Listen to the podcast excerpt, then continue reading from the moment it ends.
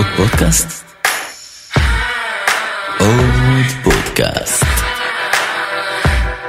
עוד פודקאסט לסטארט-אפים.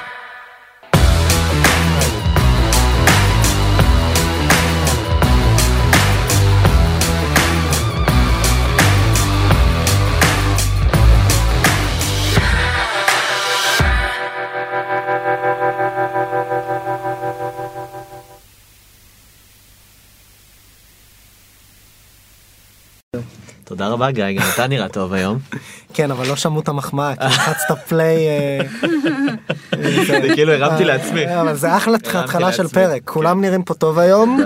ונמצאת איתנו גם הילה הוביל ברנר, גם היא נראית טוב. שגם היא נראית טוב, אבל אסור להגיד את זה בסצנה, מה שנקרא בסנטימנט של היום. אז הילה, למי שלא מכיר, היא גם המקימה. והמובילה של פורום אה, בעצם קהילתי מאוד מיוחד בתוך האקוסיסטם הישראלי שנקרא פורום יזמות שהיא תספר עליו ואתה גם ה managing director של Techstars ישראל ואת גם יזמת סדרתית יש להגיד הקמת שתי חברות נכון אני סופר נכון נכון. אוקיי אז בואי תספרי קצת למאזינים על עצמך ככה רקע קודם כל שמחה מאוד להיות פה, איזה כיף וכבוד מאוד גדול. אנחנו. אנחנו אצלך, זה לא הפוך. כאילו, אנחנו מתארח- מתארחים ב Rise וגם Techstars והילה בעצם יושבים כאן ומנהלים פה בעצם את הקומה. נכון, ו Rise הוא באמת אה, מקום נפלא לעשות את זה, כי באמת הוא מקום של המון אה, חדשנות. אני אספר כמה מילים ממש על עצמי, אני אה, באמת יזמת די הרבה שנים. החברה הראשונה שלי נקראת white smoke, היום ציבורית, וחברה אחרת שהקמתי אחר כך. בדרך עשיתי כמעט כל טעות אפשרית בספר הסטארט-אפ, אז כולי מלאה בצלקות אינדיאניות של טעויות שעושים, ואחרי שגמרתי כרך אחד, התברר שיש עוד כרך שלם של טעויות שעשיתי בדרך, אבל גייסתי המון כסף מכל מיני אנשים, סוגים שונים, אה, גידלתי חברות שאני מאמינה שהביאו value מאוד גדול, אה, ולמדתי ככה דרך האקוסיסטם וגם התאהבתי באקוסיסטם הישראלי. אה, אחר כך, באיזשהו שלב, תוך כדי גם הקמתי את פורום יזמיות, שהזכרת אותו, שהוא פורום מדהים והוא גאווה מאוד גדולה שלי, וקמפוס תל אביב לאימהות בחסות גוגל, שהיה אחד הפרויקטים המאוד מאוד יפים שנספר עליו. אה, ולפני שנה הצטרפתי ל Techstars. אה, הייתה לי שנה מדהימה ומעניינת בלהביא אה, יזמים, גם בתחום הפינטק, אבל בכלל, להפגיש אותם עם תוכניות ברחבי העולם של Techstars. זה קצת על עצמי. אז אני כאילו מתלבט מאיפה להתחיל אבל לפני זה בואי שנייה נעשה קצת overview במספרים על כל אה, אבן דרך כזו. אז לצורך העניין בפורום יזמות כמה יזמיות סליחה כמה חברות מה אתם עושות? אז אה, פורום יזמיות קם לפני שבע שנים, חברות שם היום כ-4,000 נשים יזמיות, מתוכם 800 מיזמים, שלמעלה מ-300 כבר גייסו כסף. אה, הפורום הזה התחיל אצלי בגינה, אה, ממש בתור אה, פורום קטן שגדל להיות פורום מאוד מאוד מקצועי ומעניין. עשינו שם כמה שיתופי פעולה יוצאי דופן שמאוד אה, הגדילו אותו, אחד מהם באמת עם אה, מייקרוסופט, ששם עשינו פרויקט של אה, יזמיות בתחילת הדרך, ופרויקט אחד שנקרא קמפוס תל אביב לאימהות, שבו נשים בחופשת לידה באות ללמוד עשרה מפגשים איך להקים סטארט-אפים, כשהאג'נדה היא מאוד מאוד מקצועית. ולוקחת בחשבון שבעצם אה, יזמת בשלב הזה של חופשת לידה חושבת לפעמים אה, איך להגשים את החלום שלה ולא לחזור למקום העבודה שלה אלא להתחיל סטארט-אפ חדש. אה, ועשינו שבעה מחזורים פה בגוגל ישראל ולמזלנו גוגל כל כך אהבו את התוכנית הזאת שהם פתחו אותה בצורה בינלאומית. קמפוס פור מאמס בעצם קמפוס פור מאמס, כלומר יזמיות באמת הרגישה שעשתה מין גל כזה שהתרחב בכל העולם ויש היום תוכניות בברלין, בלונדון, במקומות אחרים. פעילה גם עדיין בארץ נכון גם בארץ, כן. וטקסטרס בואי נדבר קצת במעבר אחד מה אחד. זה בעצם למי שלא מכיר זה מותג בינלאומי נכון. שהגיע לפה לארץ למה נכון, אז טקסר זו באמת אה, רשת האקסלרטורים אה, הגדולה, בין הגדולות בעולם, יש לנו כ-50 אקסלרטורים. פה ליד יוצא מס צ'אלנג' אז אני. יודעת, אני יודעת, אני יודעת. אתה אני מודד את. הגודל. כן, אתה לא יהיה כן, מה- כן. אה, נכון, אה, כ-50 אקסלרטורים בעולם, שותפים עם אמזון, דיסני, מטרו, SAP, כל מיני חברות מאוד מאוד גדולות, בוש וכולי. בעצם בכל אקסלרטור כזה בעולם אנחנו בעצם בוחרים עשרה מיזמים בשנה. ואנחנו מייצרים את ה innovation הזה עבור הארגון. פה בארץ אנחנו אה, פועלים עם ברקליז, בעצם אנחנו יושבים פה ב Barclays Accelerator powered by Techstars, שלמזלנו בעצם הצליח להצמיח פה כבר כ-30 חברות, אבל בישראל בכלל יש בערך 60 חברות של Techstars העולמית. אז אה, שעברו כל מיני תוכניות באטלנטה, בניו יורק ובמקומות אחרים בעולם. אז רק כדי לסבר את האוזן לגבי Techstars, כי הרבה אנשים מכירים את זה כאיזשהו brand name ולא בטוח שמבינים מה זה אומר, זה בעצם ארגון שמקים, הרבה פעמים זה כמעט תוכניות האצה פנימיות ל corporates וכל מיני תאגידים שהזכרת, פה במקרה הזה ברקליז, והוא בא ואומר לאותו ארגון, הנה צוות, הילה וחבריה, שבעצם יבואו ויאפשרו לך להתנהל מול סטארט-אפים בדרך כלל בוורטיקלים מסוימים. נכון כמו שעושים עם דיסני. עשו למשל עם דיסני בקליפורניה וכדומה נכון. אז את הזכרת את זה ו- ובעצם סוג של פועל בזיכיון אז אתם פה בעצם פועלים אמנם מטעם Techstars תחת המתודולוגיה וה brand שלהם אבל גם בשיתוף עם corporate שהחליט שהוא רוצה לעשות פה את הפעילות. נכון, וזה בעצם הדבר המדהים, כי בעצם סטארט-אפ נכנס והוא מקבל בעצם שילוב של שני הדברים. הוא מקבל מצד אחד את ה connections בתוך הארגון, כלומר, גם עשו לו scouting ומצאו אותו לאור כל הביקוש של הארגון, אבל מצד שני הוא מקבל את ה network המאוד גדול הזה. אני שהייתי יזמת צעירה וחיפשתי איזשהו contact באיזה מקום, אז הייתי נוסעת לכל מיני conferences ומחכה שאנשים ירדו מפאנלים ו... רודפת אחריהם וכותבת להם מיליון, שולחת להם בקשות בלינקדאין שלעולם לא יתקבלו, וכל מיני דברים הזויים שעשיתי כשהייתי סטארט-אפיסטית צעירה.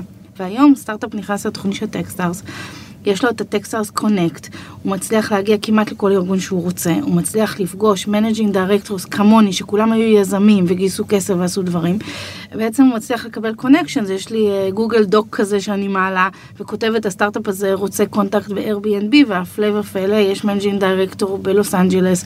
שמכיר את ה contact הזה, ובום, הדבר הזה נוצר. אז זה רשת כל כך גדולה של כ-1,500 uh, סטארט-אפים. בעצם אנחנו המשקיע הכי גדול בארצות הברית היום. אנחנו משקיעים בשני סטארט-אפים בערך ליום, uh, ואנחנו בעצם מייצרים המון, מאות חברות כל הזמן בתוך הרשת הזו. ואיך בעצם זה עובד מבחינת היזמים הם באים לפה ומה הם מקבלים? הם באים לתוכנית של שלושה חודשים, הם מקבלים אה, במהלך הזה מנטורים, אה, גם בארץ וגם בכלל בכל העולם. הם מקבלים אה, קשר עם משקיעים, מקבלים המון המון הכנה. אה, יש המון תוכניות שעושות האצה, תוכניות מעולות שעושות האצה, אבל טקסטרס הוא איזשהו רספי שאנחנו איכשהו הצלחנו לשכפל אותו בכל העולם 50 פעמים. הוא כנראה עובד גם עבור הארגונים וגם עבור היזמים, משום שהיזמים שלנו כבר גייסו למעלה משישה מיליארד דולר במצטבר. ובעצם אנחנו מכינים אותם ליום שאחרי.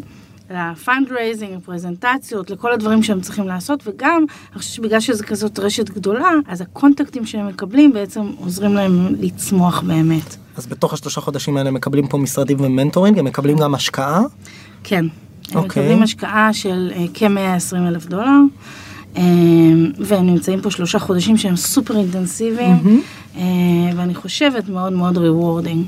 שמה מבדל אתכם לעומת אקסלרטורים אחרים? דיברנו על ה network הגדול שמאוד נדבר גם איך הופכים אותו לסקלבילי, כי זה לא מובן מאליו. מה מבדל אתכם אבל מול אקסלרטורים קיימים בשוק הישראלי לדוגמה? אה, אני חושבת, קודם כל, בשוק הישראלי באמת יש אקסלרטורים מעולים, אבל אני חושבת שהבינלאומיות של הדבר הזה, היכולת ללמוד מסטארט-אפים אחרים בתחום שלך, אה, היכולת לקבל connections בבנק, למשל כמו ברקליס, כן, אם אתה בא, אם אתה בא לאקסלרטור שלנו, אני חושבת שפשוט התרגום הזה של מה שאתה אומר כסטארט-אפ מול מה שהארגון בעצם רוצה, ארגון, תרגום כזה שאני בתור יזמת אף פעם לא הצלחתי לה, לעבור אותו. זאת אומרת, אני הייתי יוצאת מפגישה בארגון וחושבת שזו הייתה פגישה מעולה, זוכרת שדיברתי עם חברים, היה מעולה מעולה, ואז התברר שאין שום קשר, הדבר הזה גם לא התקדם, ובעצם הם שמעו משהו אחר לגמרי ממה שאני אה, אמרתי vice versa. אז uh, אני חושבת שכל ה... מה שמבדל אותנו זה בעצם המצ'וריטי והניסיון הרב שאנחנו uh, שרכשנו בעולם. ועם כמה מיזמים עבדתם עד היום פה? בעצם היו שתי תוכניות לפני שאני uh, התחלתי ותוכנית אחת שאני עשיתי ועוד מעט במרץ תתחיל uh, התוכנית הרביעית. תוכנית הרביעית ואתם יש פה קטע מעניין כי אתם עובדים לא רק עם חברות ישראליות נכון? אתם עובדים עם חברות מה, מה שנקרא מהאזור. נכון, ולא רק מהאזור, כלומר בעצם אנחנו מוצאים חברות שהכי מתאימות לבנק, גם מבחינת מה שהבנק מחפש, וגם מבחינת אה, יכולות ההשקעה של הבנק ומה שהוא רוצה. בעצם במחזור הקודם הייתה לנו חברה מאיטליה, ממונטנגרו, מאקוודור, אה, חברה מפולין, כלומר היו לנו רק שלוש חברות שהיו ממש ישראליות פרופר. למה זה? לא, הרי חלק מהייחודיות בלשבת פה בתל אביב זה האקוסיסטם הישראלי. נכון, אבל האקוסיסטם הישראלי מתאים להמון חברות. האקוסיסטם הישראלי שאני מאוהבת בו בכל אה, קנה מידה, שתמיד אומרים הביצה וזה, אבל בסופו של דבר האירועים האלה שאנחנו תמיד צוחקים עליהם, זה שאפשר בטלפון אחד להגיע אל לכל מיני תגלי, אנשים. זה רק אנחנו צוחקים עליהם פה בפורום המשולש שלנו. לא, הרבה אנשים צוחקים ואומרים מה וזה, וכל הזמן אותם פרצופים, וכל הזמן אותם אירועים, ואנשים אומרים לי, אנחנו רואים אותך כל הזמן בפייסבוק, את הולכת לאותם מקומות, ולא נמאס לך וזה. אז לא, לא נמאס לי, כי אני מאוד אוהבת את האקוסיסטם הישראלי, כי אני חושבת שיש משהו בישראליות הזאת שהוא מאוד מחבר. אה, הוא גם לפעמים קצת בוטה, נכתב על זה ונאמר על זה הרבה דברים, אבל יש בו גם משהו מאוד מחבר. אה, כן. וסטארט-אפ עם מונטנגרו, למה שהוא יבוא לישראל? קודם כל, יש אה, שלוש תוכניות של ברקליס בעולם, בניו יורק, בלונדון ובישראל. זה דבר מדהים, משום שהם בחרו את ישראל להיות בירת הפינטק בעצם של... אה, זה, וזה בנק כל כך מורכב וכל כך גדול. הסיבה שהם בחרו אותנו זה בגלל שיש משהו באקוסיסטם הישראלי בתחום הפינטק שהוא פשוט אה, מלהיב מבחינתם. יש אה, ל corporate כזה כמו ברקליז, יש איזשהו תהליך סדור מהרגע שסטארט-אפ נכנס לתוכנית לאיך לתקשר עם ה corporate הזה. היה פה לצורך העניין גבי צ'רטוק מ The Bridge בכל הטרנר מרצדס, עכשיו גם וולמארט. חבר'ה שם מחברים את ה corporates באופן אינהרנטי לסטארט-אפים בצורה שיטתית. זה משהו שגם קורה במסגרת התוכנית שלכם. כן, זה אחד ה values הכי גדולים שיש בתוכנית שלנו, כלומר, יש קודם כל מישהו מטעם ברקליס העולמי, ממחלקת ה innovation בניו יורק ובלונדון, ששניהם יושבים איתי בתוכנית במשך שלושה חודשים. כאן ב space היפה שיש לנו פה בתל אביב, והתפקיד שלהם הוא לחבר, אנחנו גם לוקחים את הסטארט-אפים שלנו אה, באמצע התוכנית ללונדון, אנחנו מכירים להם face to face את ה stakeholders שאמורים באמת לעזור להם, ומהניסיון שלי וגם במחזור הקודם, זה מייצר קשר אמהמ. מאוד מאוד טוב. משהו שאני חושבת שסטארט-אפ בלי תוכנית האצה מאוד קשה לו, זאת אומרת, מאוד קשה לו להגיע ל decision maker האמיתי בתחום שלו. זה משהו שאני אני מאוד אה, הייתי שמח פילוסופית לדבר זה לא באמת יהיה פילוסופי גל תדאג אבל אבל אפשר אבל דווקא הנקודה הזאת כי היא מאוד לי נגיד שאני הייתי ב MassChallenge הקטע הזה היה קצת קשה לי כי יש פה איזון לבין. לשים כפית של זהב אצל היזמים ולהגיד להם חבר'ה הנה כל ה network שאתם רוצים פתוח בפניכם אתם לא צריכים יותר הזכרת את זה שהייתי יזמת צעירה אז אה, הלכת ודפק הדלתות והלכת לכנסים ונכווית וכולי יש משהו בתהליך הזה שהוא גם הוא גם חשוב הוא מראה בסוף על אנומליה סטארט-אפ זה אנומליה אם אתה נותן לכל הסטארט-אפים את אותו דבר והם לא לא מרגישים. את הצורך הזה להילחם בשיניים להשיג את מה שהם צריכים בסוף הם מגיעים לעולם האמיתי והם נכווים. איך יוצרים אצלם את האיזון הזה? שמאל, זו שאלה פילוסופית מצוינת, אה, וגם אני חושבת עליה, ואני חושבת עליה גם כשאני אימא. כן, אם אתה רוצה לתת לילדים שלך את הכל, או לתת להם באמת לעבוד קשה, כן, ולהתנסות בדברים המאוד קשים, כי אז זה יכין אותם יותר טוב לחיים. אה, אני עדיין חושבת שיש בלנס, וגם בשביל הסטארט-אפים האלה יש בלנס, ואני אני מנסה לפחות כמנהל תוכנית ללכת על הבלנס הזה. זאת אומרת, מצד אחד, לא לתת להם בדיוק אה, לדבר עם בול מי שהם צריכים אם הם לא מוכנים לזה, ומצד שני, גם לא לתת להם uh, להיזרק בחוץ ולהתקשר, כמו שאני התקשרתי uh, עשרות פעמים למישהו שזרק אותי, ובסוף התברר שהוא מישהו הכי זוטר שיש ב, ב, בדרגה של uh, מזכירה קצת יותר זה, ובעצם uh, סתם בזבזתי המון המון זמן וכוחות ואנרגיות. אז אני בבלנס הזה, זו שאלה מצוינת. מה אתם מחפשים בתוכנית? אם אני היום יזם בתחילת הדרך שמקשיב לך עכשיו, איזה סוג ורטיקלים או שלבים אתם מסתכלים עליהם בטקסטארס? אז קודם כל אנחנו stage agnostic, יש לנו אה, חברות שכבר גייסו המון כסף ויש להם מוצר, והיו לנו גם במחזורים הקודמים, ויש כאלה שהם ממש רק בשלב הרעיון. אנחנו מחפשים אה, vertical פינטק ומשיק לפינטק, insurtech וכולי, דברים שהבנק או הפרטנרים של הבנק יכולים להשתמש בו וזה יקל על החיים שלהם.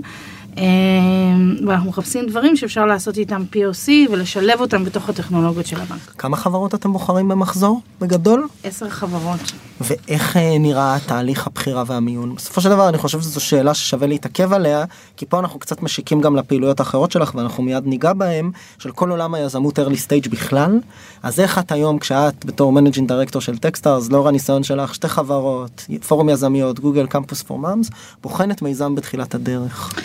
אז אה, באמת התהליך אה, למזלי הוא תהליך מורכב מהרבה מאוד אנשים, כלומר יש פה גם את טקסטארס עם הכוח המאוד גדול שלו וגם את ברקליז, התהליך הוא מעט מתיש, יש המון רעיונות, אה, ובאמת לפעמים, עכשיו אני בתהליך הזה, אז המון אה, יזמים אומרים לי, מה לעזאזל קורה פה? ואני מסבירה שבטקסטרס אנחנו מקבלים בערך אחוז וחצי מבין היזמים שמגישים applications, ולכן התהליך הוא מאוד מורכב, מראיינים אותו משני הצדדים, מספר אנשים, רעיונות טכנולוגיים, רעיונות עומק, selection committee שבו יושבים גם משקיעים חיצוניים, גם ברקליז, גם טקסטארס וכולי, והתהליך הוא מאוד מאוד עמוק. אנחנו מחפשים בעיקר להשקיע באנשים טובים. אני, וזה משהו שאני מאוד התחברתי אליו, כשנכנסתי לטקסטארס כולם אמרו לי, מה, היית יזמת כל החיים שלך, תמיד אמרת לכולם מה לעשות, ועכשיו את תהיי בתוך איזה ארגון, ואיך זה יעבוד לך, ו including חבריי הטובים ביותר, בן זוגי, כל מיני אנשים שככה הרימו גבה ואמרו איך זה הולך לעבוד, ובעצם זו הייתה השנה הכי מאושרת של חיי מבחינה מקצועית, אה, המקום שהרגשתי שאני באמת נותנת בו הכי הרבה. אה, ואני חושבת שבגלל שאני יודעת שמשקיעים באנשים, ולא כל כך רק ברעיונות ובטכנולוגיות, אלא ב vision מאוד גדול, באנשים שהם אנשים hard workers, טובים, אנשים שכיף לשבת איתם, אנשים שאתה רוצה בעצם, אה, שאתה מאמין שהם יהיו ה-breakthrough הגדול של ה-innovation הבא. איך מאתרים את זה? זו אמירה מאוד רכה קצת, אני, אנחנו מקבלים את זה הרבה, קודם כל, ממשקיעים ויזמים פה שמתעסקים ב-early stage, כולם באים ואומרים, יש פה איזשהו חיבור כימיה, זה כמו דייטינג. בסופו של דבר יזם שבא ונותן פיץ' עכשיו, וכל הפרמטרים הם אליי, השוק והמוצר והצוות וכולי, איך בסופו של דבר אפשר לזהות או לא לזהות אם נוצרה, נוצר אותו קליק? אתה צודק, זה כמו דייטינג. אתה צודק, זה כמו דייטינג, אה, וזה קורה. המערכת יחסים הזאת גם נבנית, ואתה רואה יזם לאורך תקופה של כשלושה חודשים של דיו דיליג'נס, שבמהלכם אתה גם רואה איך הוא מתקדם, איך הוא מגיב לשינויים, ל-ups and downs. אבל כן, בשבילי, כיוון שהייתי יזמת ועברתי צעד, לבחון אותה מהצד השני, זה היה תהליך בשבילי. מעולה. בואי נדבר קצת על אה, פורום יזמיות. אחלה, מעולה. אז קצת לגבי הפורום, קודם כל דיברנו קצת על איך הוא נוצר וקצת על ההישגים. מה התפקיד של פורום כזה בתוך האקוסיסטם הישראלי כיום? אז אני ממש רוצה לחדד את זה, כי יש המון המון ארגוני נשים באשר הם, אני רוצה לחדד את האג'נדה של יזמיות, ומה הופך אותו להיות ככה שונה ומקצועי יותר מכל מה שנמצא, וזו גם הסיבה שכל ההישגים שלו והשיתופי פעולה והפרסים ש, שקיבלנו. אני חושבת שהאג'נדה של ארגון יזמיות היא אג'נדה מאוד מאוד מקצועית, אוקיי? היא לא אג'נדה שבאה אה, אה, לדבר על המיינורטי כל הזמן, אלא היא מקום שבו נשים אוהבות להיות יחד. אנחנו גילינו שהרבה אנשים, כמו בוגרי 8200 שאוהבים לפעמים לדור בכפיפה אחת, כמו אה, אה, ארגונים של בוגרי חיל האוויר שאוהבים להיות ביחד, יש הרבה מאוד אה, אה, אנשים שיש להם איזשהו מכנה משותף ואוהבים להתייעץ אחד עם השני על דברים מקצועיים שקשורים לקריירה שלהם. וזה מה שארגון יזמיות בעצם עושה. אם אתם רואים, יש לנו אה, אירועים כל חודש שכולם מאוד מאוד מקצועיים, מיטאפים שבו אנחנו מביאים אינפורמציה. הקבוצה היא קבוצה מאוד חיה, מאוד מאוד פעילה, שיש שם מאות נשים שכל הזמן מעלות פוסטים, הזדמנויות, משתפות זו את זו. זאת אומרת, כמעט ואין שיח שהוא מחוץ לשיח המקצועי, ואנחנו מאוד מאוד מקפידות על זה בקבוצה. שמטרת העל זה לייצר איזה קטלייזר ליזמות, לחשוב על רעיונות חדשים? כלומר, מה, מה המטרה בלשים את כולם יזמת, ביחד? שאם את יזמת טכנולוגית, או ביומד, ואת רוצה להתייעץ עם כאלה שיש להם אה, מכנה משותף איתך, כלומר, שהמכנה משותף שלך הוא, הוא לא רק פיזי ששתיכם נשים, אלא שיש, אתן מתמודדות לפעמים עם אותן אה, סוגיות, אז אתן נפגשות יחד במיטאפים שעוזרים לכם מקצועית, ואתן גם מחליפות ביניכם אינפורמציה, ועוזרים לכם מקצועית כדי להתקדם לשלב הבא. זאת האג'נדה המאוד מאוד מקצועית ומאוד מאוד ישרה של, אה, של יזמיות, וזה מה שהבדיל אותה וזה מה שהפך אותה להיות לידרית בעולם הזה של יזמות. אז אני ככה התאפקתי, גם דיברנו על זה לפני הפרק, אם לשאול או לא לשאול, אז בואי נשאל שתי שאלות קצת יותר uh, to the point קשות. Okay, אוקיי, אחד, איך בפורום כזה שבסופו של דבר, ופה שוב כולנו בעד, מדבר על integration של אותה קהילה לתוך תעשייה שבה היא סובלת מתת ייצוג, וזה לא סוד, כולנו יודעים את זה, איך בעצם גם מייצרים אינטגרציה של אותם נשים באקו סיסטם, האם זה משהו שקורה? ושתיים, טוב בואי נתחיל מהשאלה הזו. אז כן, אז המהות שלנו זה באמת. לייצר, שאלה כן. קשה, שאלה כבדה. אז אני רוצה להגיד לך שאני חושבת שאנחנו עושים את זה בהצלחה, משום שאנחנו כל הזמן עושים שיתופי פעולה עם ארגונים גדולים ועם פורומים גדולים ועם סטארט-אפ סטדיום, עם, אה, עם חברות אחרות, עם פורומים אחרים, זאת אומרת השיתוף פעולה הוא כל הזמן קורה. המקום הזה שנשים נפגשות יחד הוא מקום פשוט, כיוון שהן מרגישות איזשהו מכנה משותף, כמו כל דבר אחר, הן אוהבות לדור בכפיפה אחת ולדבר על זה ולהתייעץ זו עם זו. אבל האג'נדה שלנו היא בהכרח כאילו לגרום להם לשני דברים. אחד, באמת להיות, לעשות אינטגרציה לתוך העולם הרגיל, זאת אומרת לא למדר אותם ולשים אותם באיזושהי קבוצה אחרת. ושתיים, ללמוד לקחת את הבמה. זאת אומרת, אני רואה היום אפילו שאני מראיינת אנשים לטקסטארס, הרבה נשים תמיד לוקחות את ה-second seat, גם אם היא טכנולוגית וגם היא, תמיד היא, היא איכשהי סמנכ"לית, אוקיי? היא תמיד איכשהו נותנת למישהו אחר את הבמה, ורואים את זה בכל מקום, ראיתי את זה אפילו בכנס של גיק טיים עכשיו, שהיו, אה, שהיו awards, וראיתי שנשים תמיד עומדות אחורה ונותנות למישהו אחר את הבמה. זו תכונה נשית. אוקיי? אנחנו מנסים ללמד את הנשים שבין שורותינו לקחת ולהיות, לקחת את ה title של CEO. איך מלמדים את זה? זה מאוד, זה מאוד מעניין כי זה נקודה, אני גם קראתי על זה, היה לי... תכף אגיע לשאלה הבאה, אבל קראתי על זה שבגוגל לצורך העניין עשו קורס לנשים עוב- שעובדות בגוגל, ולימדו אותם איך לבקש promotion פנימי בתוך הארגון, כדי להגדיל את ה application של העובדים בתוך גוגל למשרות, מה שנקרא senior יותר בתוך הארגון, וזה עבד. איך, איך אתם עושים את זה מעבר לקבוצת תמיכה, מעבר לפורום, מעבר למפגשים? יש שיטה, יש תכנים מסוימים שאתם מעבירים? אז כן, דבר ראשון, אה, אני, אה, יש לי אג'נדה די ברורה לעניין הזה. אני חושבת שלהביא, וגם דיברנו על זה קצת מקודם, להביא נשים חזקות, להיות role models, מבלי שהם יצטרכו להגיד, אני כאן כי אני אישה, אלא הצלחתי. וככה אתם יכולים להיות, ותראו, היא גם נראית יחסית נורמלית, כן? היא כמוני. כן, כן. כמוני, אה, אפשר לדון על זה, אבל בגדול היא נראית יחסית נורמלית והיא נראית שבסדר לה. אנחנו רוצים להביא נשים כאלה in front, זה האג'נדה שלנו, להביא כמה שיותר role models, אני חושבת שזו בעיה מאוד גדולה שאין כאלה.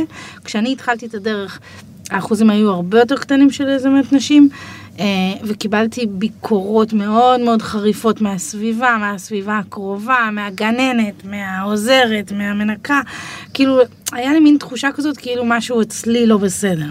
אז את נוסעת, אה, אז משאירה את הילדים, אז מי שומר על הילדים? זאת אומרת, אף פעם לא שמעתי מישהו ששואלים, מנכ"ל ששואלים אותו, מי שומר על הילדים, אוקיי? אז אני אמרתי לעצמי שככל שיהיו עוד נשים שיעמדו בפרונט, דברים ישתנו. כמה היום אחוז, סליחה שאני קוטע אותך, כמה היום אחוז מהתעשייה הם יזמות נשים סטטיסטית בערך? לפי הרשות לחדשנות זה 7 אחוז. 7 אחוז כרגע, אז הוא הספיק בסטארט-אפים, לא בטק בכלל. כן, בסטארט-אפים. אוקיי. וורסטיין, רצית לשאול? לא, זה נתון אה, חריג. אבל רצית לשאול משהו. אני עדיין בהלם מהנתון. אוקיי. כן, זה אה, באמת נתון חריג. כי אני באתי לשאול על גוגל פור מאמס כי זה משהו שעניין אותי מאוד אישית כי עברתי חוויה אה, אפשר להגדיר אותה דומה אני לא אימא אני אבא אבל אה, גם לקחתי חופשת לידה והרגשתי על עצמי כמה זה היה כמה זה האיץ את הרצון שלי לפתוח משהו חדש נתן לי capacity space בכלל לבוא ולחשוב לשבת עם עצמי ולהגיד בוא נאתגר רגע את כל הדברים שעשיתי עד עכשיו בוא לא נימשך לדברים אלא אלא אלא אה, נחשוב האם אני יכול להגדיר את עצמי מחדש ולהתחיל ליצור ליצור action plan. וחופשת לידה במרכאות כי זה לא באמת חופשה נותן לך סוג של אה, אה, תירוץ לשבת ארבעה חודשים שלושה חודשים כל אחד ומה שהוא יכול אה, לקחת ולחשוב על הדברים האלה. נכון, זה עושה אז- cut מהחיים בדרך מסוימת, זה נותן לך איזה פרספקטיבה על מה עשית עד היום, ולפעמים זו הזדמנות מאוד טובה לעשות שינוי. ושינוי, אנחנו יודעים שמי שמקנן לו החיידק הזה של היזמות בבטן, זו הזדמנות מצוינת שהחיידק הזה פתאום אה, יצא החוצה. ולכן חשבנו שזו הזדמנות מאוד טובה, ולמזלנו באמת זה, זה תפס. איך זיהית את זה אבל? גם כי אני הייתי בחופשת לידה, ותמיד שלוש פעמים, אז אני הבנתי שאני, שמשהו קורה. כן, וגם דיברתי עם כל מי שמסביבי, ואנשים אמרו לי, תראו, בחופשת לידה, מה עושים? הולכים לבייבי יוגה, הולכים לזה, טיפת חלב, מתחילה לדבר עם כל מיני אמהות, שכל מה שמשותף ביניכם זה שיש לכם תינוק, אבל בסופו של דבר אתה מחפש אנשים שיש לכם קצת יותר מן המשותף, מאשר זה שיש לכם נשים עם תינוק. אז, אז פה זה היה מין נקודת מפגש של נשים טכנולוגיות מתחום השיווק, בתחום ה marketing. ואחר כך עשינו עוד הרבה מאוד קורסים, חוץ מהקורסים אה, גוגל, שבאמת נוגעות בנשים בתקופה הזאת של שינוי, ואמרנו להם, יש לכם את החיידק, יאללה, זו הזדמנות טובה, לכו על זה, וזה בעצם האג'נדה שלי. אני לפני כמה זמן עשיתי פאנל, אני עושה הרבה אירועים ומיטאפים, את יודעת את זה, ובפאנל זה היה פאנל של ארבעה משקיעים גברים. הרגו אותי, מלא תגובות, לא משנה כרגע אם בצדק או לא, בסדר? באו ואמרו אתם מדירים נשים ואיך יכול להיות שעשיתם פאנל וכולי וכולי וכולי. אז, אז אני רוצה לשאול פה בתור מישהי שבסוף היא היום, אה, נראה לי שאני יודע את התשובה, אבל בסוף בתור מישהי שהיא מה שנקרא thought leader בעולם הזה של קידום יזמות נשים. אני זוכר, אני שנייה אגיד כדיסקליימר, ניסינו להביא נשים שהתאימו לאותם קריטריון לצד אותם משקיעים גברים שהבאנו, לא הצלחנו מכל מיני סיבות, ובסופו של דבר גם התנצלנו. אבל, אבל לא שינינו את הרכב הפאנל. מה עמדתך על זה? יש פה הרבה טענה אה, שהרבה פעמים הנראות היא חשובה בהיבט הזה, שאני מסכים, אבל to what extent? שאלה מצוינת וגם uh, מאוד שערורייתית כי לפי מה שאני הולכת להגיד שני, שני דברים אני מקווה שלא יקפצו עליי אבל אני אגיד בכל זאת. קודם כל, אה, ספציפית עליך, אני יודעת כמה אתה פמיניסט ורודף שוויון, אז... יכולה להגיד נשי, זה בסדר. לא, כמה... זה נגיד לא אמירה פמיניסטית כל כך, טומי. לא, הוא נראה... אם מאזינות, אם אתם מאזינות על זה, תרשמו שטומי שוויניסט בתגובות. מה הקשר? אל תתגונן, אמרתי שאתה אל תתגונן. יפה, זה אתה רציתי חזק. להגיד, אז, אז לגביך אני, אני יודעת ספציפית ולכן גם כאב לי כל הפרשה הזאת וגם כתבתי שאני חושבת בתגובות ואני יודעת כמה אתה מתאמץ. יש, ישנה באמת בעיה לפעמים וזו הבעיה שהתייחסתי אליה עכשיו שדיברתי על יזמיות שיזמיות לפעמים לא לוקחות את הבמה לא מבקשות promotion במקום העבודה אבל גם לא כיזמיות אומרות אנחנו עשינו אנחנו זאת אומרת ייקח להם הרבה יותר זמן וזה משהו שאנחנו בארגון יזמיות פנימית מנסים לעבוד עליו. אוקיי? לכן אני מכירה את הבעיה. אבל נכון, נראות היא מאוד חשובה. אה, נראות היא מאוד חשובה, לכן צריכים להתאמץ קצת יותר, והיה לי את הוויכוח הזה אה, בכל מיני מקומות, והגישה שלנו, להבדיל מארגונים אחרים, היא לא גישה אה, לוחמנית, היא דווקא לבוא מלמטה וללמד את הנשים. לתת לאנשים, להגיד להם, תראו, הדבר הרבה תלוי בכם, אוקיי? קחו את עצמכם ות... שימו את עצמכם שימו את בפרונט. עצמכם in front. אני מאמינה ספציפית, אני לא רק ארגון יזמיות, אלא אני הילה באופן ספציפי מאמינה שהרבה מהבעיה יכולה להיפתר פנימית. עכשיו אני אשאל שאלה שקודם כל עשיתי שאלה ככה קצת מאתגרת אליך, עכשיו אני אשאל שאלה מאתגרת אבל כלפיי או כלפינו. מה התפקיד שלנו בנושא הזה? אני שנייה אשאל איך אנחנו, לצורך העניין הרוב הגברי הלבן האשכנזי שמוביל את התעשייה, יכול אה, לקחת פה יותר אחריות חוץ מלהיות מיינדד לנושא? אני בן מיעוט מרוקאי, אני לא יודע מה אתה מדבר. לא שאלתי עליך, הכללת אותי בתוך הקבוצה. לא הכל סובב סביבך. אז, אז, אז קודם כל, אני כמובן בכוונה הקצנתי כן. את הניסוח. זו שאלה מצוינת והיא קשורה לנראות. זאת אומרת, נכון, זה יהיה יותר קשה להביא נשים לכאן, כי לא כל הנשים, וכל הזמן אנחנו רואים, גם עכשיו אני עושה את אירוע יום האישה, אני אומרת, בוא נמצא נשים אחרות, כל הזמן אותן נשים על הבמה, כל הזמן הן נמצאות, בוא נמצא נשים קצת אחרות. זאת אומרת, הבעיה, כיוון שאנחנו יודעים שיש בעיה, אז צריך להתאמץ קצת יותר.